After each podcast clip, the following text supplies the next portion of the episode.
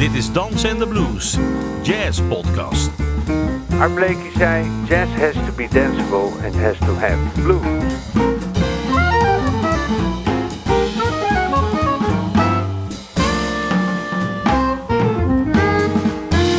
Je luistert naar een aflevering van Dansen en de Blues. Een podcast over jazz met kleurrijke gasten, indringende gesprekken, sterke verhalen en vooral swingende muziek. Mijn naam is Ben van der Dungen en vandaag spreek ik met een man die fantastisch klarinet speelt. Een bijzondere muzikus met een hele brede muzikale range. Een saxofonist-klarinetist met een passie voor de geschiedenis en de historie van de jazzmuziek. Zo'n eentje die precies weet waar hij het over heeft. Welkom, David Lucas. Ja, voordat we een beetje gaan praten met elkaar eh, over die muziek die, eh, waar je zo'n ongelooflijke adoratie voor hebt, ga je even een stukje spelen. Hè? Je hebt een, een gitarist meegenomen, een duo. Hoe heet die gitarist? Kan je misschien. Uh, het is een uh, jongen die ik eigenlijk nog niet zo lang ken. Uh, heb ik een jaar geleden ontmoet. hij komt uit Engeland en hij, is, hij heeft hier gestudeerd op het conservatorium bij Martijn van Interson. En we vonden het eigenlijk heel leuk om ja, in de coronatijden om wekelijks bij elkaar te komen en, en te spelen. En, zijn naam is Jack Kinsella. Uh, een echte gentleman uit Formby, volgens mij, als ik goed. Oké. Okay. Ergens een klein plaatsje. En wat ga je spelen? buurt van Birmingham. We gaan een stukje spelen. Um, de componist is William Henry Tyers en het is uit 1912. was origineel een pianocompositie. het is een ja, ragtime-achtig stuk met vijf deeltjes. Zo hoor je ze tegenwoordig niet zo vaak meer. Het heet Panama. Oké, okay, zet hem op.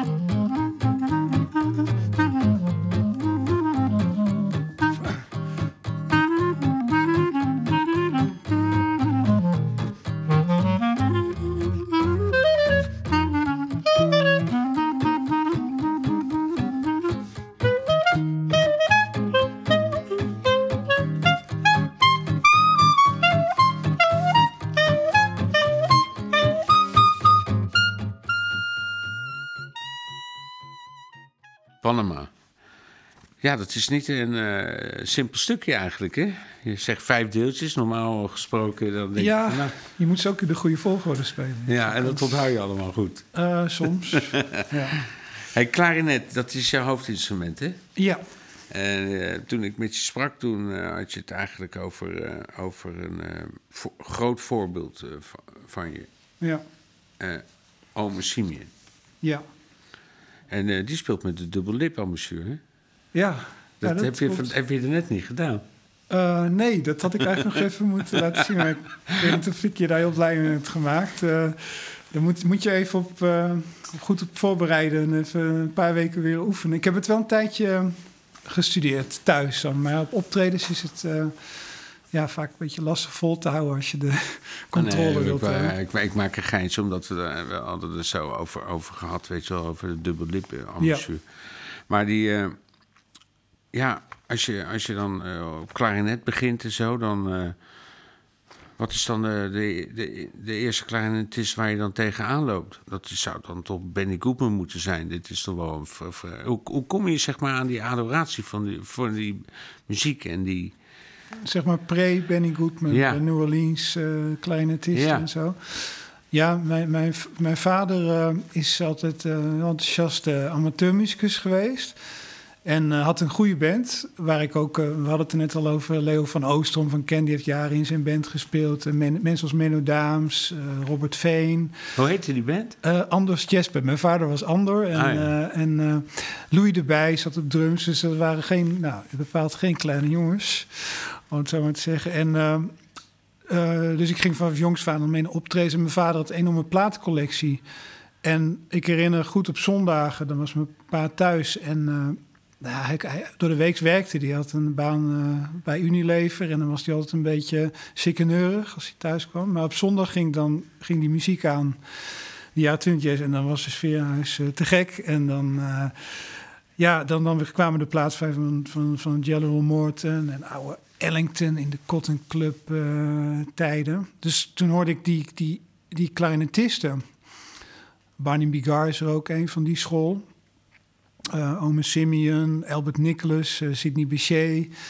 Eh, Heb je ook les van hem gehad? je- nou, die hebben allemaal les gehad van Lorenzo Tio. Dat was eigenlijk de eerste echte klassiek geschoolde clarinetist in New Orleans... al nog voordat de eerste opnames gemaakt werden. Ah. Dus dat is het begin van de 20e eeuw. En die kwam ook uit de familie. Het waren allemaal klassiek geschoolde muzici.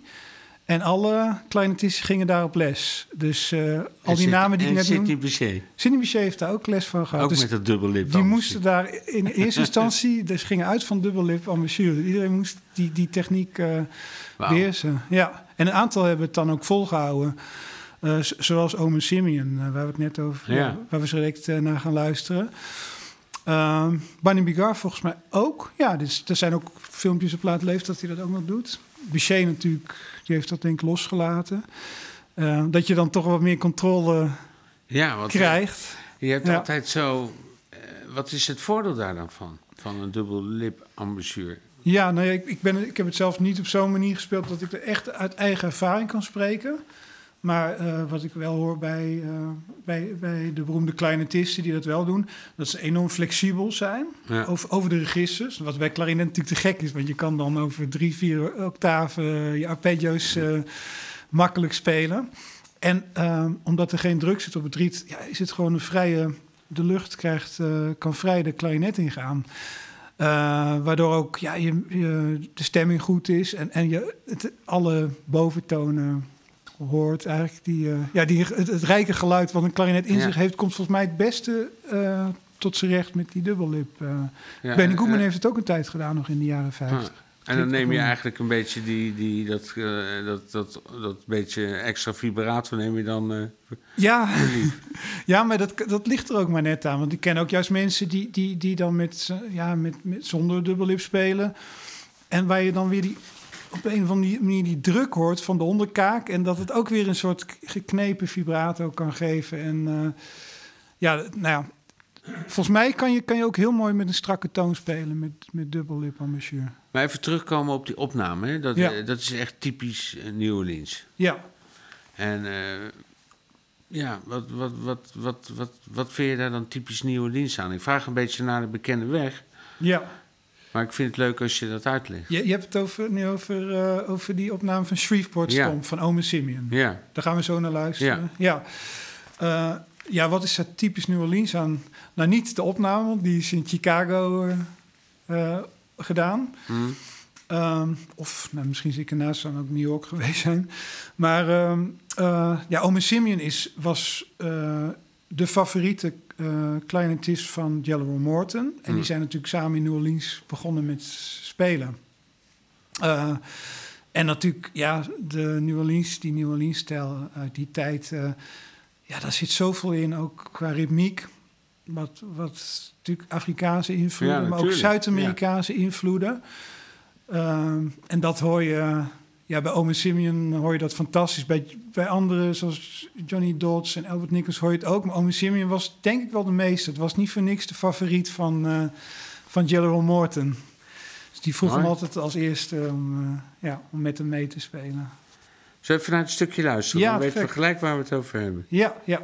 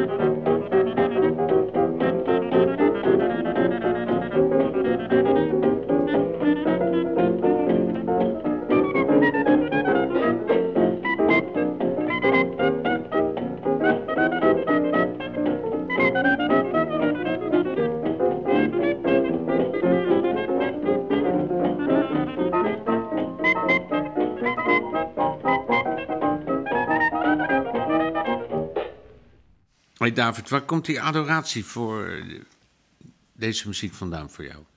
Dat Ja. moet je misschien even uitleggen. Ja, dat heb ik eh, meegekregen van, mijn- van mijn pa. Dus eh, dat is wel met de paplepel ingegoten. En mijn vader had een eigen band. Andor's Jazzband. Mijn vader heette Andor. En er was een, een, een, enthousiast amateur pianist en banjoist. En die vroeg allemaal mensen ja, die, die veel beter speelden dan hemzelf. En eh, eh, zoals ja, die mensen als Louis de Bij, Leo van Oostrom, bekende namen uit de Nederlandse jazzmuziek. Ja. Dus ik ging vaak, vaak vroeger mee naar die optredens eh, om te luisteren. En die band die speelde puur muziek uit de jaren twintig. Mijn vader die, die was enorm fan van alle muziek van, vanaf het begin van de jazz. En bij hem lag er ongeveer ja, het, het, het kantelpunt. En waar, waar hij niet meer ging luisteren was ongeveer op het moment dat de tuba werd vervangen voor een contrabas. Oh en de banjo voor een gitaar. Dus eh, de swingmuziek eigenlijk eh, ontstond. Maar de, het heeft wel eens voordeel gehad dat ik eh, ja, een soort gehersenspoeld ben vanaf een heel jonge leeftijd. Met eh, enorme rijke muziek uit de jaren twintig. Want er is zoveel. Het begint al met die New Orleans, eh, hele vroege New Orleans muziek van King Oliver en, en jonge Louis, Louis Armstrong en eh Jelly Roll Morton. Ja. Nou, dan heb je die hele muziek uit Chicago, waar het zich voortzette en ook, ook mengde met allerlei andere stijlen. En, en, en later natuurlijk ook in New York, dat was het volgende station. Ehm, en dat heb ik, ja, ik ben daar elk weekend uh, zetten mijn pa die platen op. Ik mocht daar zelf nooit aankomen aan die platen. Die, eh, ja, die stonden als het ware achter slot in Grendel. Maar ging- als die verzamel, eh, ja, als, die op reis ging, dan ging ik stiekem die plaatjes opzetten en checken. En, eh, ja, dus van jongs af aan, ja. Hey, en eh, als je naar die opname luistert, dan eh, hè, 1928, hè, West End Blues is ook uit 1928, daar zit nog gewoon geen drums bij. Nee, Hier, dit is met een drummer.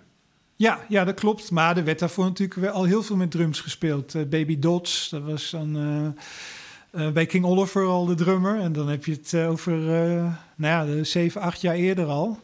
Mhm. Begin jaren 20. En Armstrong had twee bezettingen. hè. Dus Armstrong had, had zijn eerste band onder zijn eigen naam. Dat waren de Hot Five. Ja. Maar ook later de Hot Seven. Ja. En de Hot Seven was met drums. Dus dat wisselde hij af. Ah. Ik denk dat, ik weet niet wat daar precies de reden was waarom het er soms zeven waren en soms vijf. Misschien had het nummer daar wat mee te maken, wat hij dan wilde spelen. Voor, ja.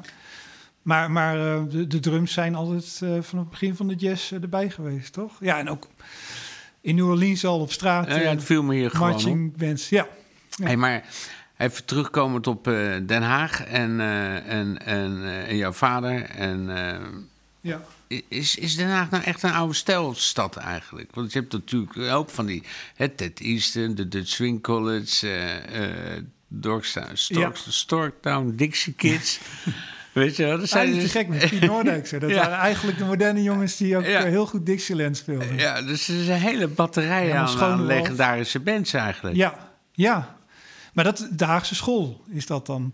En ik kom uit, ik, ik, ik ben, nou mijn pa was Amsterdammer, dus die kwam uit de diehard Amsterdamse oude stijl jazzschool. Die speelde toen in de jaren zeventig in de Blokhut, misschien zeg je dat wel Nee, eens. nee, nee. Dat was een soort eh, lokaaltje waar ze dan eh, samenkwamen om eh, plaatjes na te spelen. Ah, leuk. Het is voor mijn tijd allemaal geweest. Maar mijn vader is op een gegeven moment naar Breda verhuisd. eh, daar ben ik geboren. En dat is natuurlijk qua oude stijl... eh, was dat eh, eh, ja, eh, de, Walhalla. de plek... Nou ja, Walhalla weet ik niet. Maar, maar eh, de- de- toen ik daar opgroeide... toen waren er geloof ik wel twintig of dertig bands... die, die oude jazz speelden.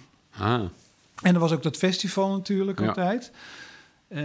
Dus ja, de, de, de, maar Den Haag is natuurlijk... ja, dat, dat was een soort tegenhanger volgens mij. Die hadden een moderne soort variant erop. Met Ja. contrabas en moderne drums. Ah ja? Een soort big band drums, wat die Oké. bij de Dutch Swing College. En, eh, en ja, mijn, vader was natuurlijk van, van de oude school, dus die, die, eh, nee, die vond het eh, maar niks. Oh, mooi. Toen, Hey, ja. maar de, dit is een grote inspiratiebron, deze clarinetist. Ja, Ome Simeon. Nou, ik heb er heel veel, heel veel gehad natuurlijk. Maar ik, ik wou dit stukje toch laten horen. Omdat dit wel van die New Orleans school toch wel een van de meesters is. Ja, en, en hoe... eh, al die mensen hebben toch een beetje dezelfde soort, soort, soort hè? Als je zo Sidney Bizet luistert en dan dit. Ik bedoel, dat, het geluid dat, eh, dat heeft toch wel een soort van aanwezigheid, power. Ja, En, eh, en ze schijnen allemaal van dezelfde docent les gehad te hebben. ja klopt, ja. Ja, ja. Ja, dat, is, dat schijnt een of andere klassiek geschoolde eh, leraar daar geweest zijn. eh, Lorenzo Tio. Die, eh, die heeft Sidney Bechet onderwezen en, en Barney Bigar. En, en die bij Ellington ging spelen later. En nou, hij is heel belangrijk geweest voor, ook voor de jazzontwikkeling. Ja. Waanzinnig, hè? Dat, Ja. dat, dat één zo'n gast zo'n grote invloed kan hebben. Ja, ja, ik had hem wel eens willen ontmoeten. Dat, er is ook, hij, hij speelde natuurlijk ook voor een tijd dat er opnames gemaakt werden. Dus er is ook heel weinig eh, te horen van hem. Ik geloof dat er één opname is, ergens dat je, dat je hem door het gekraak heen in de verte hoor je dan Lorenzo Tio ook een solo spelen. Hey, maar dan eh, terugkomt, eh, oom Simeon. Het lijkt me zo logisch dat je gewoon denkt: van, als je klarinet, dan zou ik gelijk denken aan Benny Goodman. Ja. Is dat een held van je? Ja, dat is zeker geworden. Maar dat, ja, net zoals ik al zei, van het begon echt met die hele oude jazz. Ja.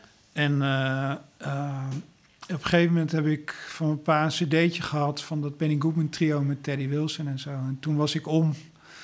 Dat, maar voor mijn vader was dat, al, was dat dan al de moderne jazz. Ja, je het geen keurslijf? dat je denkt van, jezus, hou nou eens op man, wat kan jou dat nou schelen? Laat- Ja, precies. Maar dat heb ik toen ook gedacht. En toen, eh, vanaf, vanaf daar ging ik ook ja, mijn eigen gang. Ja, en dan opeens, en dan, je, je, je hebt zoveel kleine tisten. Je kan ook naar Buddy de Franco Ja, maar dat kende ik gewoon niet. Want dat Oh, was er gewoon niet. Van ja, ik, ik zong in een klassiek eh jongenskoor. Dus klassieke muziek Oh, kende ik. Ja. Jongens, kom- dus je hebt je eigenlijk helemaal moeten, zeg maar, ont, eh, ont, on- heet het, Ja. zeg maar los moeten En trekken. dit was al heel soort- rebels dat ik Ome Simeon eh, Oh ja? speelde. Oh. Jezus. Dat, eh, ja, precies. Hoe ging dat dan, dat losweken? Want ik kan me zo, toch zo, hè, serieus, kan me zo, zo voorstellen dat je, ja, je hoort natuurlijk van alles om je heen. Ja, nou, Ook als je naar Den Haag gaat en je, je stapt het conservatorium binnen. ja, dat is zo. Maar ja, dat was ook het omslagpunt. en, en, en ja, daar, daarvoor ben ik eigenlijk meegevaren ook op de muziek van mijn pa. En, en, en eh, dat vond ik leuk om te spelen. En ook met, met, ja, met die jongens van het koor heb ik dan ook een band gespeeld, opgericht, die dan ook die muziek speelde. Precies zo. Dus het was inderdaad misschien, wat je zegt, een beetje misschien ook, ook om mijn vader te pleasen. Dat, dat, dat, dat, ehm, ja, dat, dat, dat, dat je eh, ook voor je vader eh, iets wil spelen wat hij wat, wat mooi vindt en waar hij gelukkig van wordt. En, eh, en later, ja, toen het conservatorium ging, toen brak ik daar een beetje van los. En ik weet nog dat ik met mijn eerste, eerste Billie Holiday CD had ik bij de V&D gekocht met Teddy Wilson. En eh, dat ik daarmee thuis kwam, dat ik het opzette en toen dat mijn vader zei van... "Dan ga met die moderne jazz maar naar je kamer. ja. Hey, maar dan, eh, dan, dan heb je allerlei, eh, allerlei eh, ga je toch op een gegeven moment op zoek naar allerlei andere klarinetisten. Dat lijkt me zo. Ja. Ja, klopt. Maar, maar, maar dan was, vond ik eigenlijk van... Want er is zoveel van... van je had natuurlijk die New Orleans gasten... Maar dan had je ook een soort van... van omdat de bands toen in, in zwarte en blanke bands ondergedeeld waren... had je ook een aantal blanke kleinetisten... die ik heel, heel interessant vond uit die tijd. Zoals Benny Goodman. Ja, en, en ik, was, ik luisterde eigenlijk... Ja, Benny Goodman en bij Paul Whiteman zaten er dan een aantal die ik erg goed vond. Maar, maar eh, ik luisterde eigenlijk ook niet echt puur naar kleinetisten. Dat vond ik, ook- ja, ik luister naar alles. Naar, eh, naar, naar, naar, naar alle instrumenten. En ik vond, Ja. wat ik ook te gek vond toen al was stride piano van James P. Jones. En, en eh, ja, Art Tatum luisterde ik toen ook al echt veel naar. Ja. En dat vond ik echt gek. Maar, maar toen ik dus naar het conservatorium ging, ja, toen, toen opende een wereld van eh, John die me in één keer zei van... eh, misschien moet je een keer naar Buddy de Franco luisteren of eh, die dingen. En dat vond ik, ja, dat stond er nog heel ver van me af. Maar dat, dat, dat heb ik wel omarmd. ja, alle, alle, ja. Je hebt een stukje meegenomen van Benny Goodman. ja, terug naar binnen. Ja, ja. En eh, waarom?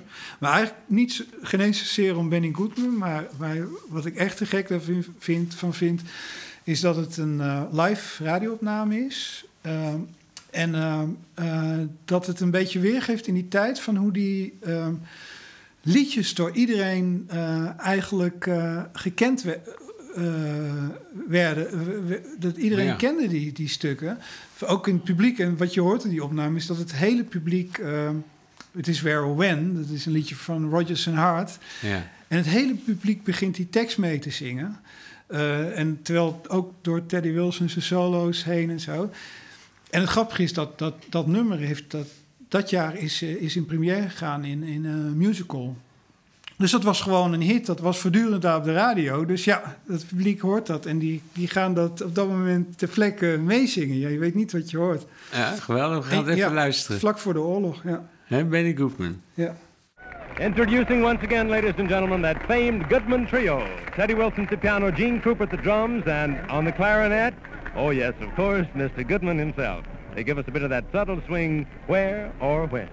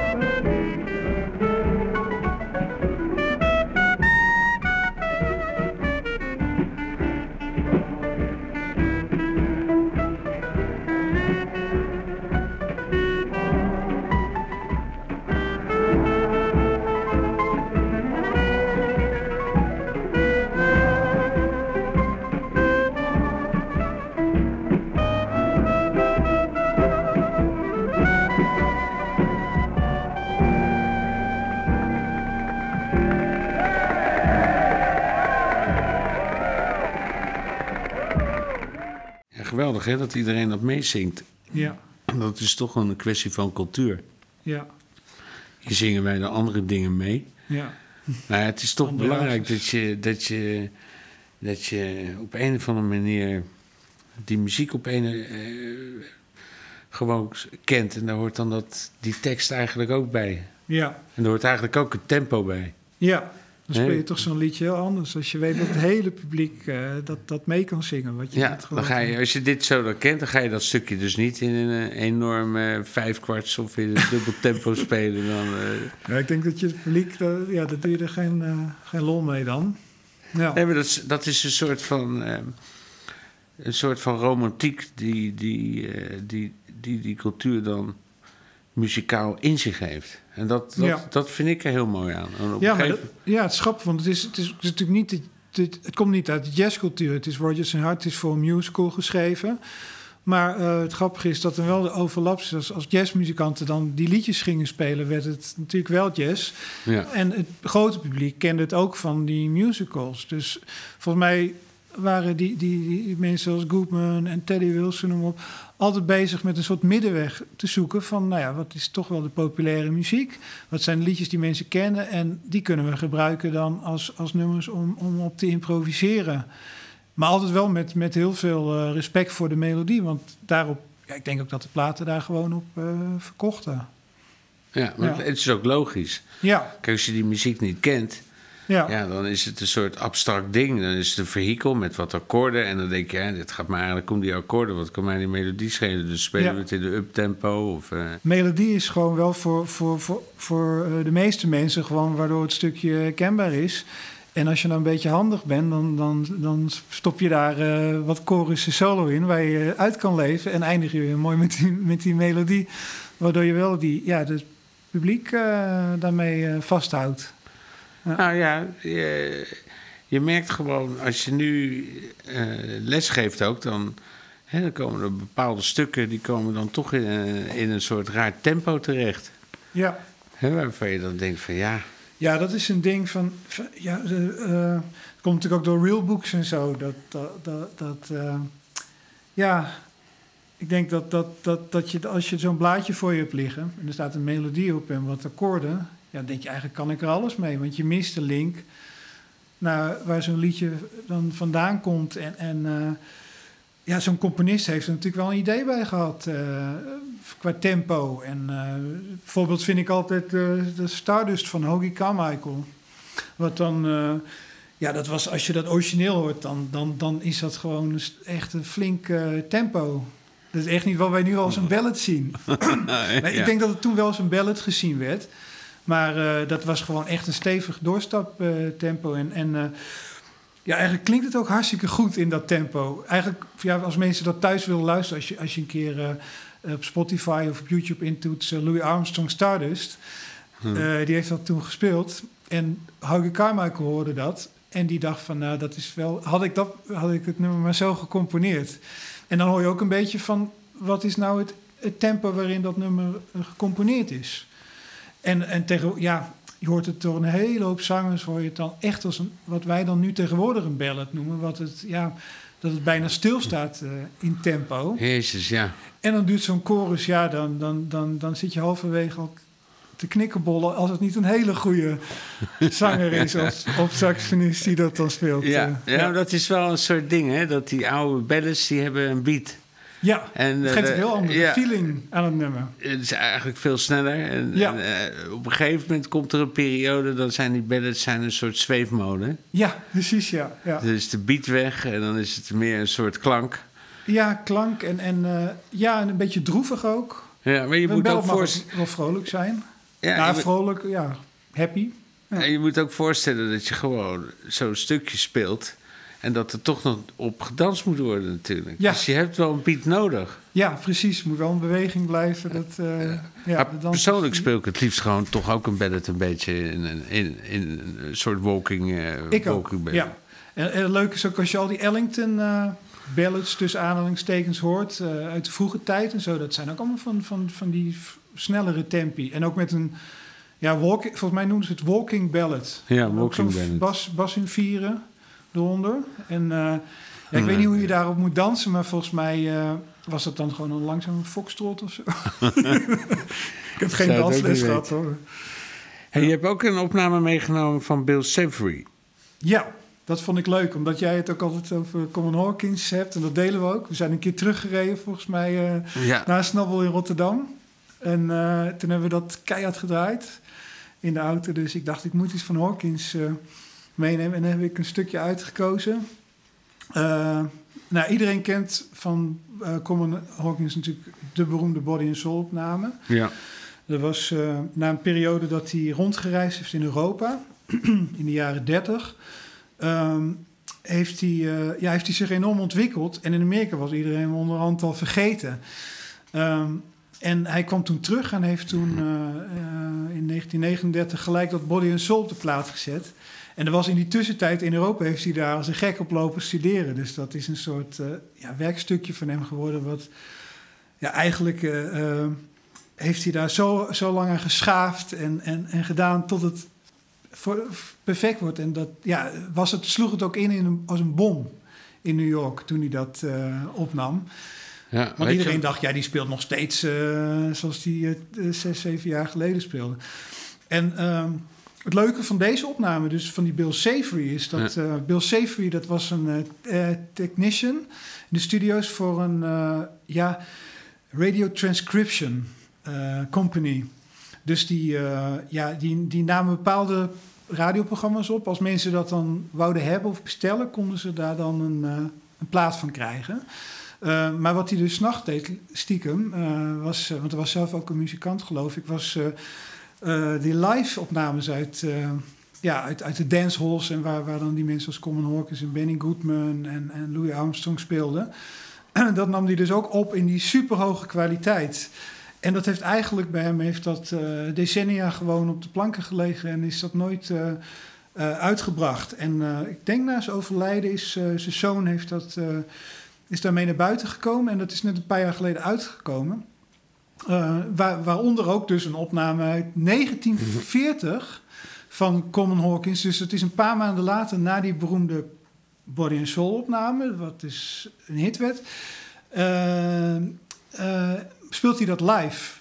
En voegt hij ook nog een, een, twee chorussen zelfs toe aan het origineel. En, en, en, en dan hoor je ook dat het zich doorgeëvalueerd is. Ook naar die opname. Dus dat het in dat laatste chorus, ja, wat hij daaruit allemaal uit die sax haalt, dat, dat is helemaal te gek. Het is, zo, het is zo mooi met die. eh, hè, want je, je vertelde ook dat de Com Hawkins, die, die was er natuurlijk al eerder mee bezig. ja. Zo'n zo'n improvisatie, dat is een soort compositie in, in, in progress. Hè? Ja. Ik bedoel, work in pro- process. Ja. Dat is eigenlijk niet. Het is niet af, maar het, he- het begint zo langzamerhand steeds een vorm te krijgen. Dingen blijven hangen. Je, moet bijna denken aan Bach, die altijd die cantates weer opnieuw eh, componeerde, toch? Ja, het- harmoniseerde. En, eh, ja, en steeds weer uitgaan van dat gegeven en dan door evalueren Ja. eh, tijdens het spel. Ja. Hoeveel chorussen zijn? Want normaal gesproken is het drie Ja, chorussen. dat heb ik niet precies Oh. paraat. Maar volgens mij speelt hij er twee meer. En eigenlijk haalt hij, zich, haalt, haalt hij nergens eigenlijk wat hij op die beroemde plaat heeft gespeeld. Dus het is al vanaf het begin gaat hij... Ja, je hoort wel bepaalde dingen die die, die dan ook al speelde. Maar voor mij is het, eh, het laatste chorus... ehm, is, eh, ja, is te gek. Dat is, eh, is misschien wel de beste Hawkins die ik gehoord heb. De laatste bridge voor de muzikanten onder ons. Dan speelt hij een paar arpeggios. Van die, van die, van die uithalen van, van, van laag naar hoog op die Ja. sax. Nou, we moeten misschien maar gaan luisteren. Ja. Body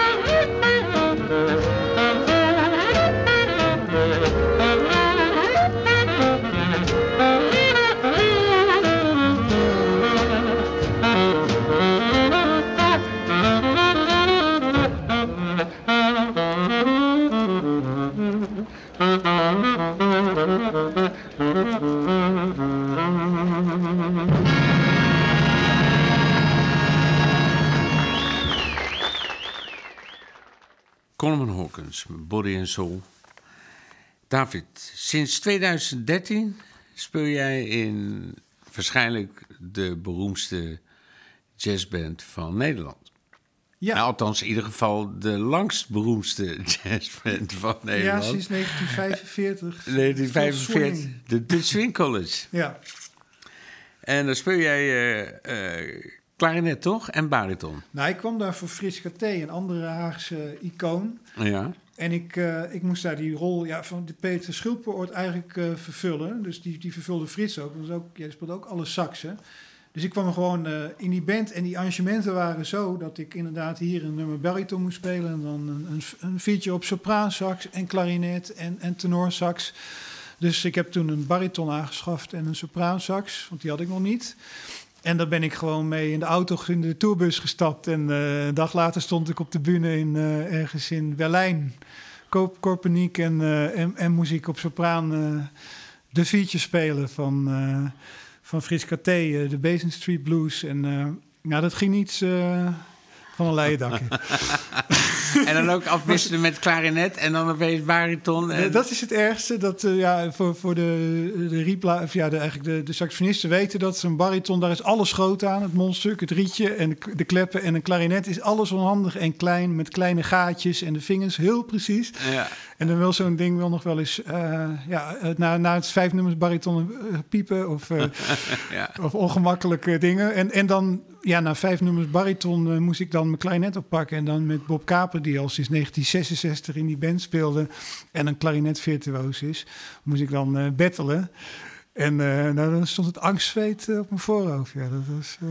En jij, Niet had- altijd jij was eigenlijk de, was eigenlijk de nieuwe, Ke- de nieuwe Peter Schilpoort eigenlijk. Nou ja, dat was de rol. Ja, die band die was zo gebaseerd op, op, op de, eh, toen ik erin kwam op de band zoals die eigenlijk in de jaren, begin jaren 60 speelde. Dus dat was met Jan Morks op klarinet. En Peter Schilpoort die speelde toen minder klarinet in die tijden en meer eh, bariton. En ook wel sopraansax. En, eh, en nou ja, trompet en, en, en trombone, dat was de frontline van de band. Vier blazers. Waardoor je hele leuke dingen kon doen ook met twee klarinetten en echt arrangementjes spelen. Hey, en, en, en hoe kwamen ze bij jou terecht?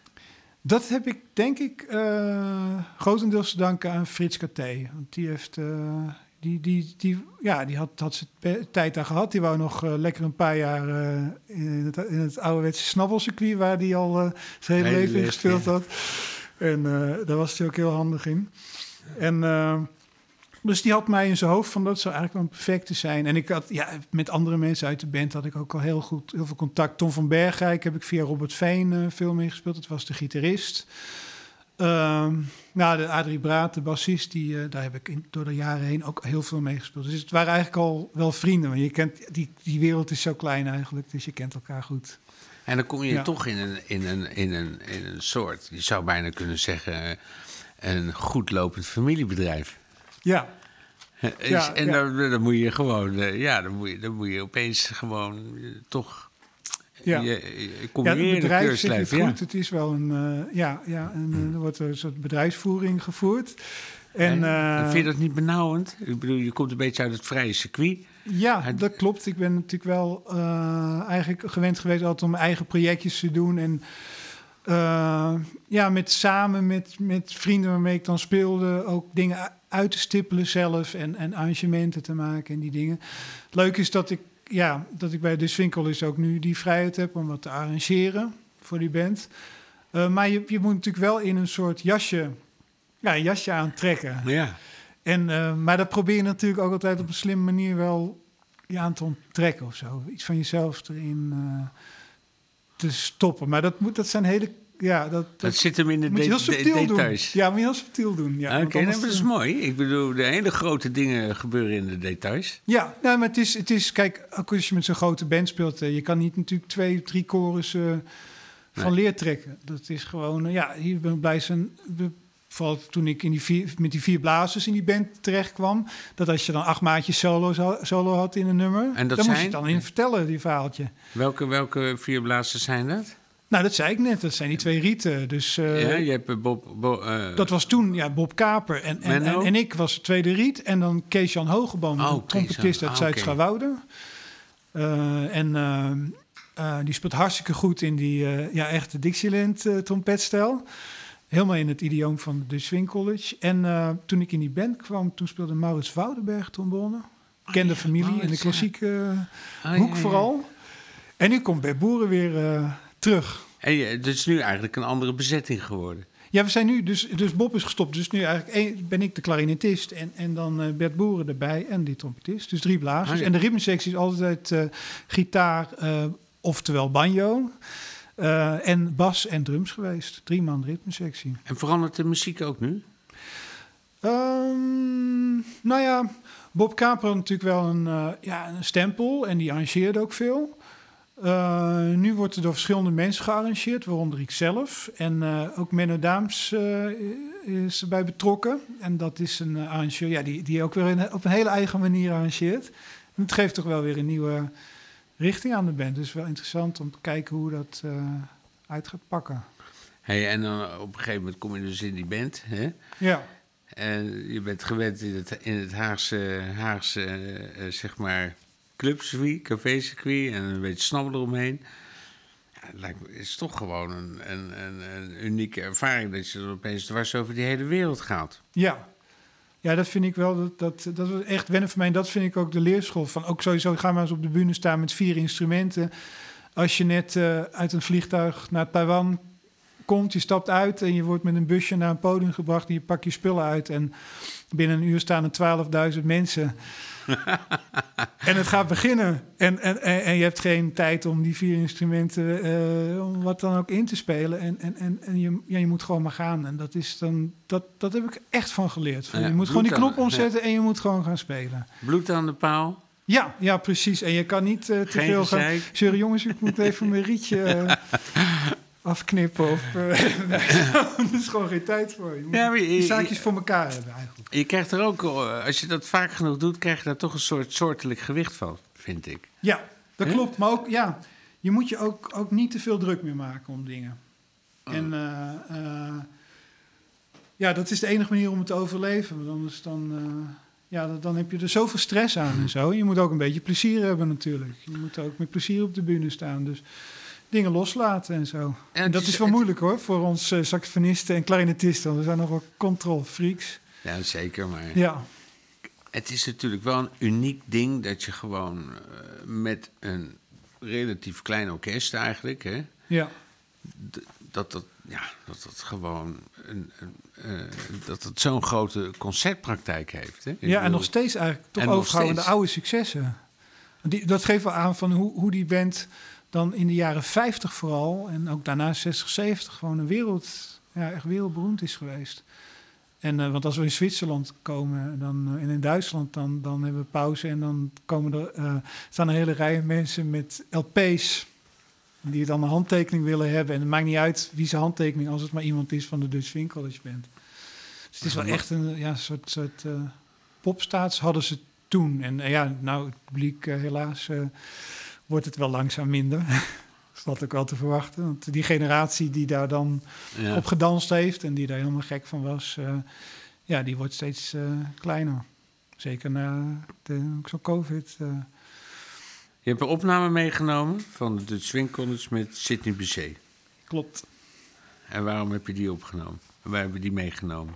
Ja, dat, eh, nou, ja, jij vroeg, eh, neem wat, wat moois mee van de DC. Nee, ik dacht, ik kan wel iets ne- meenemen waar ik zelf dan op gespeeld heb. Maar ik vind het veel leuker om eh, ja, die band, die oude band te laten horen. En dan vooral met, met Sidney Bichet ook weer de link met, met New Orleans. Ja, zeker. En het is natuurlijk wel een unicum. Het is natuurlijk Ja. niet niks. En, en, en eh nou, de, Sidney Bichet die reisde toen door, door Europa. Hij, woonde toen geloof ik in Frankrijk. En eh, die speelde met een hoop orkesten, ook, ook in België. En vooral in Frankrijk, eh Claude Luther en zo. En dat, dat waren wel goede bands. Maar als Bichet meespeelde, dan werd het geheel eh, naar, naar ongekende hoogte omhoog getrokken. En... en dat doet hij ook met de DSC. En, en ik, ik weet ook niet hoe ze die nummers voorbereiden. Ik denk dat het gewoon van tevoren misschien besproken werd, eh, dit nummer. En, eh, en dat er gewoon gespeeld werd. Ik kan me ook niet voorstellen dat er echt gerepeteerd werd met Sylvanus Pichet. Want dat, dat ging gewoon, ja, die speelde die nummers op, op zijn manier. Ja, tuurlijk. En King Porterstop, dat, zal, dat is, vind jij Ja. wel mooi, dus dat zal hij wel kennen. Ik denk dat, ze dat, dan, eh, dat hij dat eerder opgenomen heeft. En dat hij waarschijnlijk gezegd heeft tegen Schildpoort van... nou, luister maar gewoon naar die plaat. En zo doe ik het. Want zo klinkt het van... ehm, ze spelen wel een arrangement, maar Bichet die is zo vrij als een vogel. En, en, en die zet het neer met een timing en een sound. Dat, eh, ja, alsof hij altijd al met die band heeft gespeeld.